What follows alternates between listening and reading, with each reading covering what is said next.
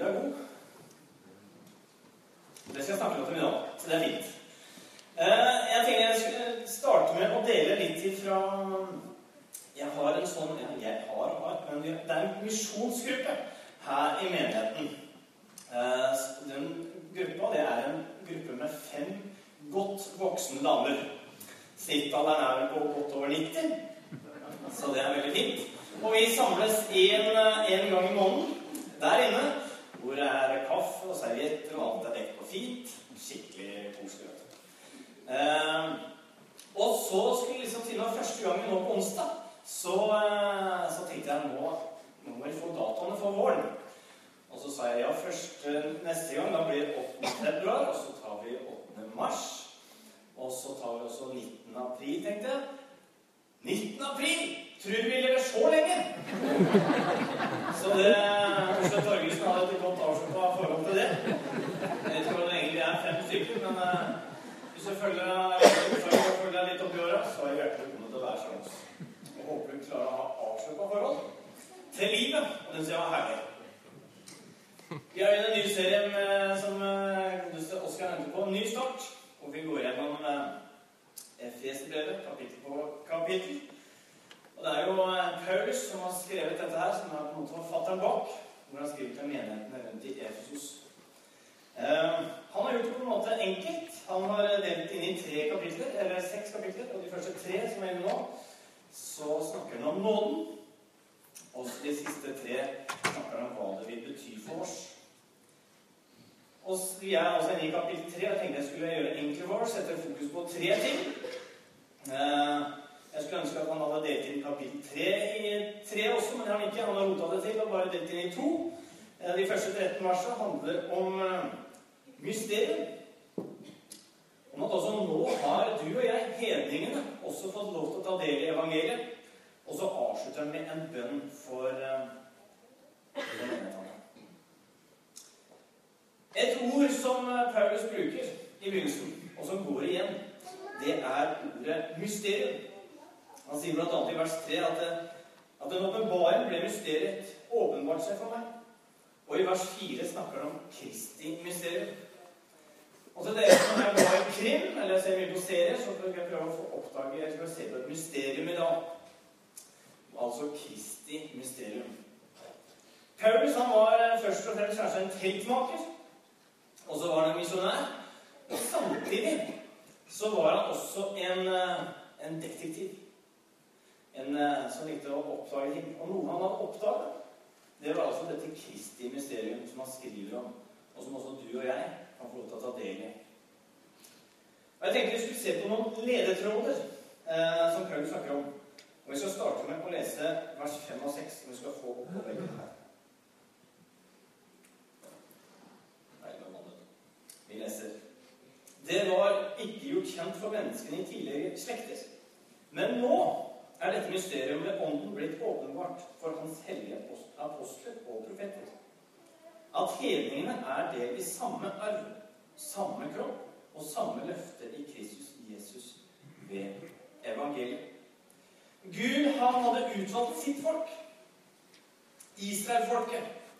Og når profetene skulle tale, så talte de først og fremst kanskje til sitt folk, Israelfolket, var leda dem.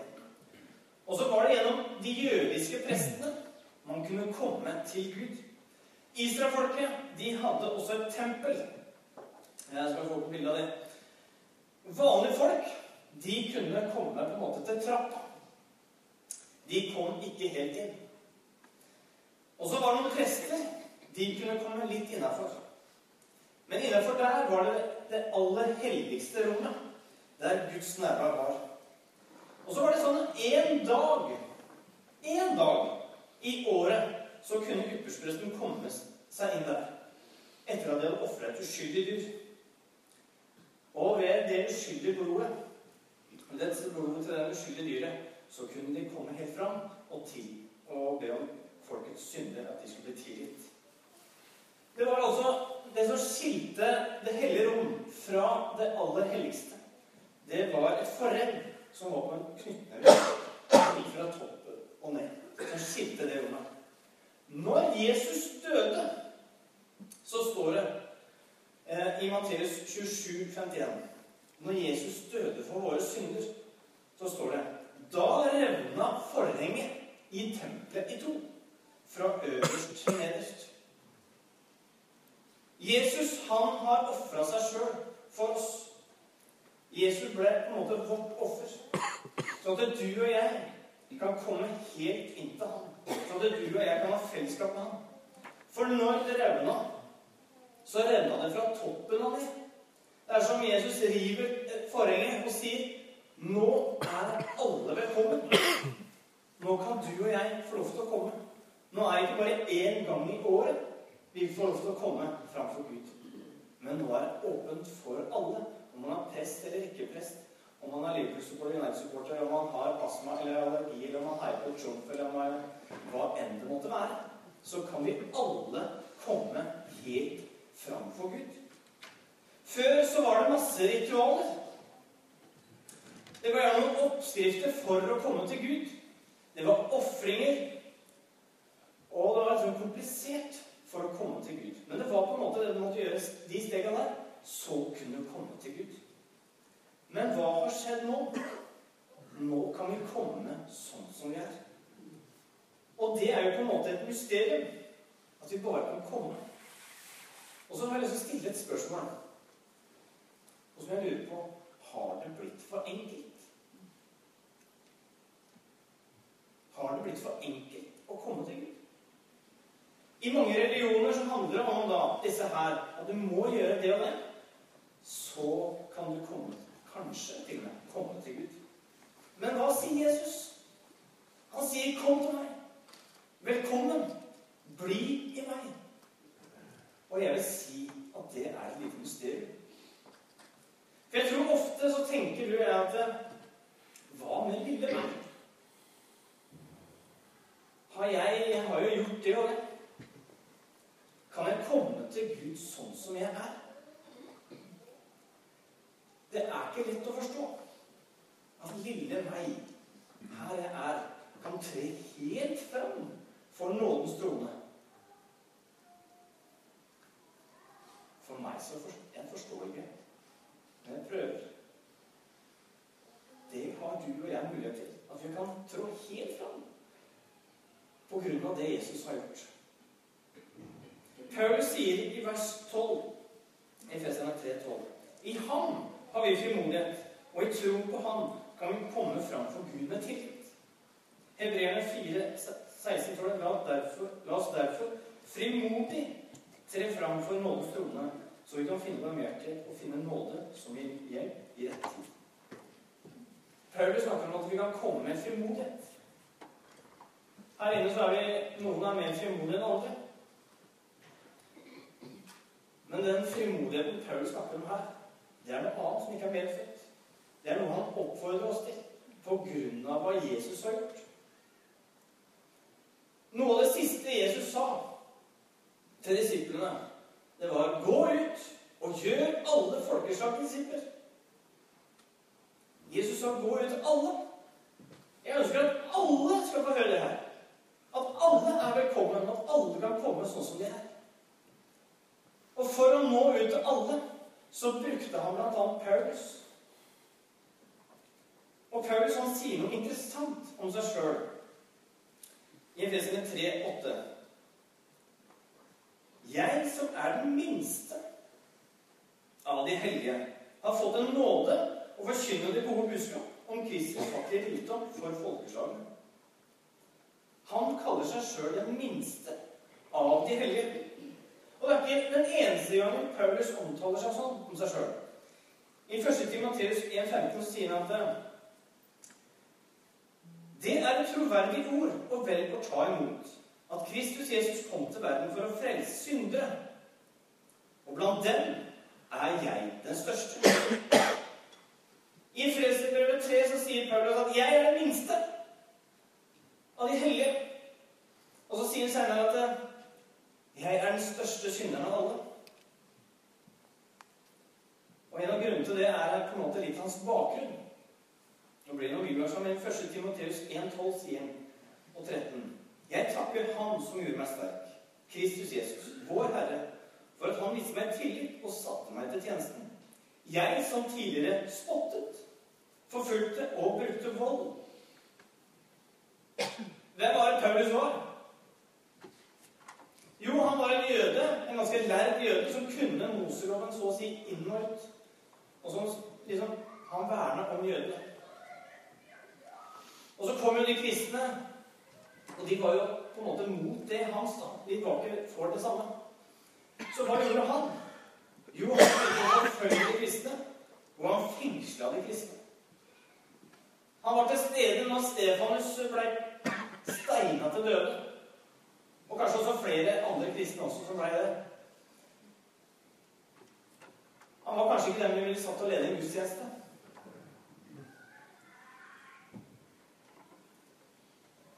Og det kan vel sies om Paulus at han var noe det samme som det IS gjør i dag.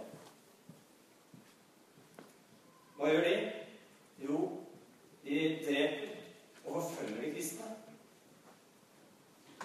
Det gjorde Paulus. Og En dag så var Paulus på vei til Damaskus, nettopp for å fengsle de kristne. Og hva skjer da? Jo, han blir møtt av Jesus. Jesus sier vel da, 'Paulus, det er meg du forfølger.' Og så blir han møtt av Jesus sin kjærlighet. Og istedenfor å bli den som forfølger, så jobber han med at andre skal forfølge, for, for å følge Jesus. Paulus han ble møtt av Jesus sin kjærlighet. Og Jesus velger nettopp å bruke Paulus. Paulus han ble vist nåde og barmhjertighet. Men selv om Paulus fikk kjenne på denne nåden og barmhjertigheten, så kjente Paulus på sin historie. Han tenkte at jeg vet jeg har gjort det og det. Jeg har sett noen bli drept av meg. Jeg har spotta, jeg har slått og forfulgt noen. Jeg tror mange ganger så var det også vi tenkte sånn at er jeg god nok? Kan jeg få tilgivelse for det òg? Og det? Vil ikke Gud gi opp meg snart, da? Før du kjente på det. Det er like å være stor synder. Men så hadde han fått erfare, på tross av det, så hadde han fått erfare Guds barmhjertighet for sitt liv. Han tenkte kunne han få nåde, så kunne alle få nåde. At den som trenger evangeliet mest, er den som deler evangeliet mest. Den som trenger evangeliet mest, er den som deler evangeliet mest. Best. Evangeliet, det er et mysterium. Og det er jo litt bakvendt, dette mysteriet, evangeliet. Om at den som er liten, blir fattig. Den som er fattig, blir rik.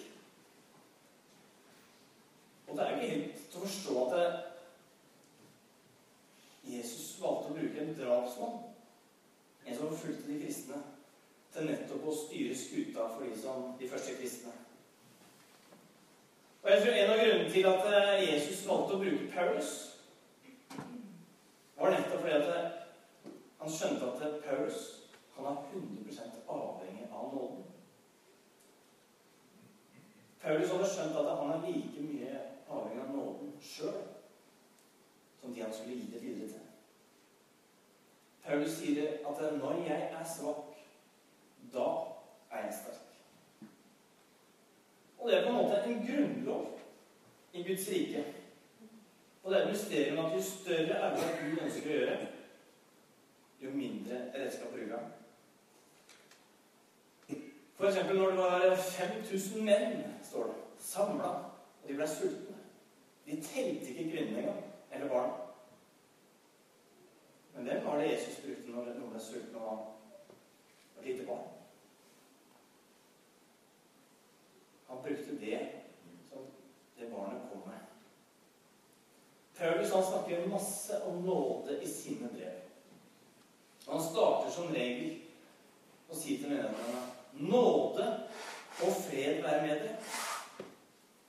Han ville stadig vekk minne menighetene om denne nåden. Han vet hvor sentralt det er. Han skjønner at han trenger det. Jeg tenker Det er viktig at du og jeg vokser i troa vår. Men noe vi ikke må vokse vekk ifra, det er at vi fremdeles må være Guds barn, og at vi er like er avhengig av Guds nåde hver dag. Vi må ikke komme der at eh, nå har jeg klart meg lenge å holde meg vekk fra de og de sidene der. Nå har jeg holdt meg vekk fra det. Nå har jeg klart det. Nå har jeg vært flink. Nå har jeg kommet så så langt i dette med å være kristen. Jeg ligner nesten på Jesus. Jeg trenger ikke jeg, vet det. Jeg er jo Jesus. Eller tenker at eh, Gud, han er heldig som har meg. Jeg som bruker så mye tid i kirka. Jeg som har gitt så mye av livet mitt. Jeg som har vært evangelist. Jeg har gjort det og det. Jeg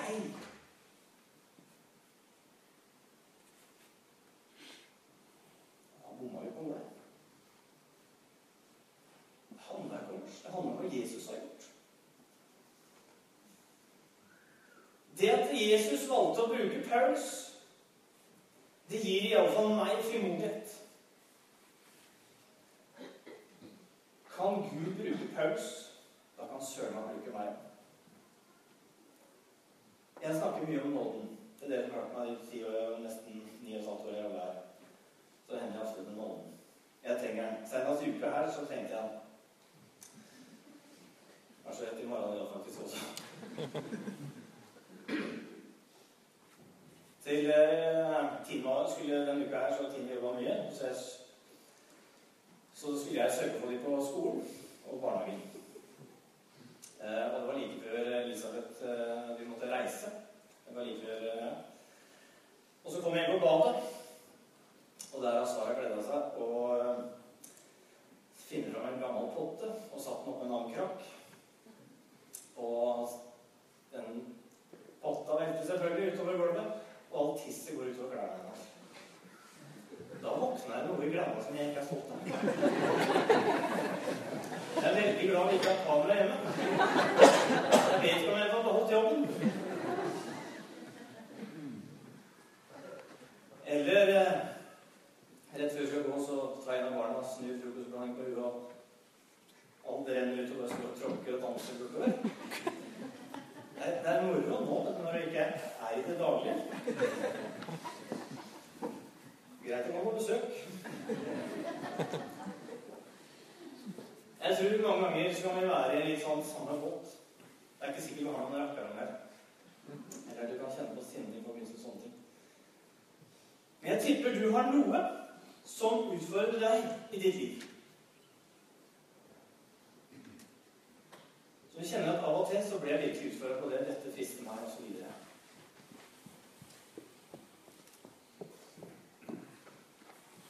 Og så skal du vite at på tross av det, på tross av det du tenkte på nå, så ønsker Gud å bruke deg.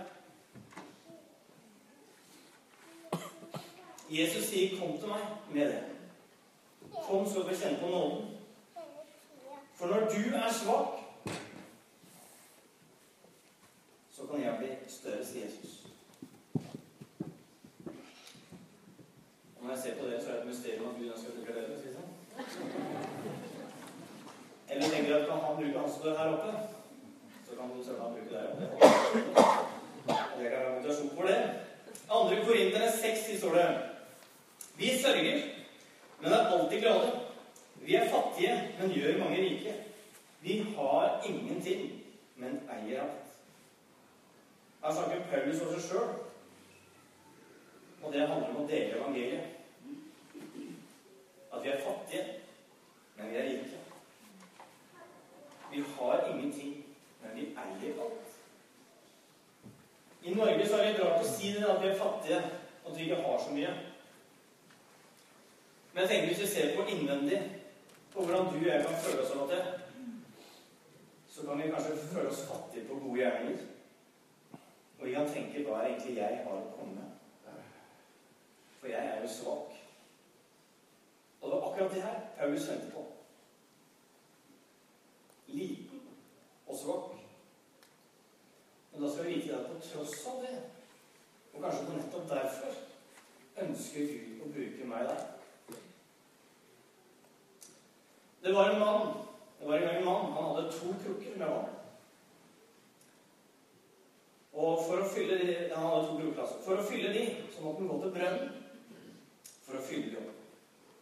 Han fyller de opp og går tilbake. Og når han kommer tilbake, så er bare den ene krukka helt fullt med. Men den andre den er bare halv, halvfull. Og den klokka som er halvfull, er veldig fortvila. Og så sier til mannen at beklager jeg tenker ikke greier å ta vare på det du gir meg. Jeg har en sprekke, og så detter vannet ut. Og så sier mannen du ikke vær fortvila. I morgen skal jeg vise ham. Og neste dag går de til brønnen, fyller de opp og går tilbake. Og halvveis tilbake så sier mannen Du, se på den sida jeg har vært der. Der du har eh, lekket ut noe vann. Der har det kommet blomster. Så ikke vær fortvilet. For nettopp for dine sprekker så kommer det opp blomster. Og nettopp derfor ønsker jeg å bruke deg. Så ikke se lite på det du har, og det du har fått. Jesus, han vil bruke deg sånn som du er. Han ønsker at vi skal strekke oss etter å ligne på ham. Men på veien dit om å ligne han som vi stadig vekk gjøre, så vil han bruke oss med våre feil og våre mangler. Det er bare til å se på de i Bibelen. De folka Gud bruker, og de folka Jesus var sammen med, som han var tillit til. Fra start til slutt så handler det om mennesker som meg og deg, som føler de kommer til kort, og som gjør feil, og som fortsetter å gjøre feil. Men jeg tror for når vi er små, når vi ser på oss, så ja, så kan Gud bli større. Han sier i vers 20 Han som virker, og han som virker i oss med sin kraft, kan gjøre uendelig mye mer enn det vi ber om og forstår. Han vil virke med sin kraft å gjøre mer enn det du og jeg forstår. Det er et mysterium. Men det er det som er sant. At Gud vil bruke meg sånn som jeg er. Og jeg trenger nettopp for å forstå det, så trenger du og jeg å hvile i Hans nåde. Hvile i Hans kjærlighet. Og stole på den kjærligheten. Ikke bare høre det, men la det synke inn. Tenke, Hva betyr det for meg? At det kan slå rot i våre liv. Paulus han avslutter med en bønn for menigheten. Og det er en bønn for mitt liv, og en bønn jeg har for dere. Der sier han i Efeserne 3, 18 og 19. Må Kristus ved troen bo i deres hjerter, og, deres, dere står rotfast, rotfestet og grunnfestet i kjærlighet. Må dere sammen med alle de hellige bli i stand til å fatte bredden og lengden, høyden og dybden, ja, kjenne Kristi kjærlighet som overgår all kunnskap. Må dere bli fylt av hele Guds fylle. Nøkkelen til å forstå dette mysterium som Paul snakker om, det er å være rotfesta og grunnfesta i denne kjærligheten. Hvis ikke du og jeg er grunnfesta, og det kommer en storm, så vil du holde ut. Uten røtter vil treet falle. Uten røtter vil det ikke bære frukt. Og uten røtter vil det ikke bære frukt. Eller vil ikke tåle tørketider heller. Og når Jesus snakker om lignelsen om såmannen Ikke småsåmannen, men såmannen som sår frø, så er det flere av frøa som visner. Deriblant et av frøene Jesus sier i Matteus 13, 20 Det som ble sådd på steingrunn, det er den som straks tar imot ordet med glede når han hører det. Men, ingen, men han har ingen rot og holder ut bare en tid. Når han møter motgang eller forfølgelse for ordets skyld, faller han straks fra. Jeg tenker at dette med kjærligheten, det må ha, og kjærligheten Gud har for meg, det, det er viktig at det får synke inn og slå rot i vårt liv. Jeg tror det er så viktig at du gir det næring. At du finner din måte hvor du får fylt opp med hva Jesus er, og hva han ønsker å gjøre for deg. Og jeg tenker at jo mer røtter vi kan eh, jobbe for å få, jo mer, at jo mer stoler på hva han har gjort for oss, jo mer vil vi stå vi kjenner at livet lugger litt. Guds kjærlighet den er endeløs. Paulus sier at for å forstå bredden, lengden, høyden og dybden i Kristi kjærlighet Bredden handler om at det finnes ikke noe som ikke omfavner Guds sårbare armer, Jesus sine. At alle er inkludert, uansett hva vi måtte kjenne på. Lengden det handler om noe tid. At det før du ble skapt, så har det elska. Og helt fram til evigheten. Og i evigheten så vil det alltid være elska. Uansett hvilken tid du kjenner at du er i livet, og uansett hvilke tider du går gjennom, så vil Hans kjærlighet være der. Høyden det er, ikke, det er ikke noen makt, det er ikke noe som er høyere enn deg, som kan rive Hans kjærlighet vekk fra deg. Dybden det er heller ikke noe langt nok ned. Vi kan ikke falle langt nok ned. Guds kjærlighet. Paulus han føler av det langt ned, liten, sånn som du og jeg kan kjenne oss. Der er også hans kjærlighet. Jeg syns det er vanskelig. Jeg prøver å forstå det. Og jeg har fått noen små drypp gjennom livet mitt. At ja, nåden er der for meg. Det er et mysterium. Det er for godt å være sant. Men det er det som er sannheten. Og det handler om hva Jesus har gjort for deg.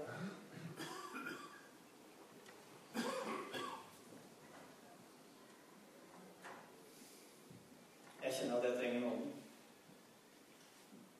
Og jeg ønsker at den skal bli enda mer rotfesta i mitt liv.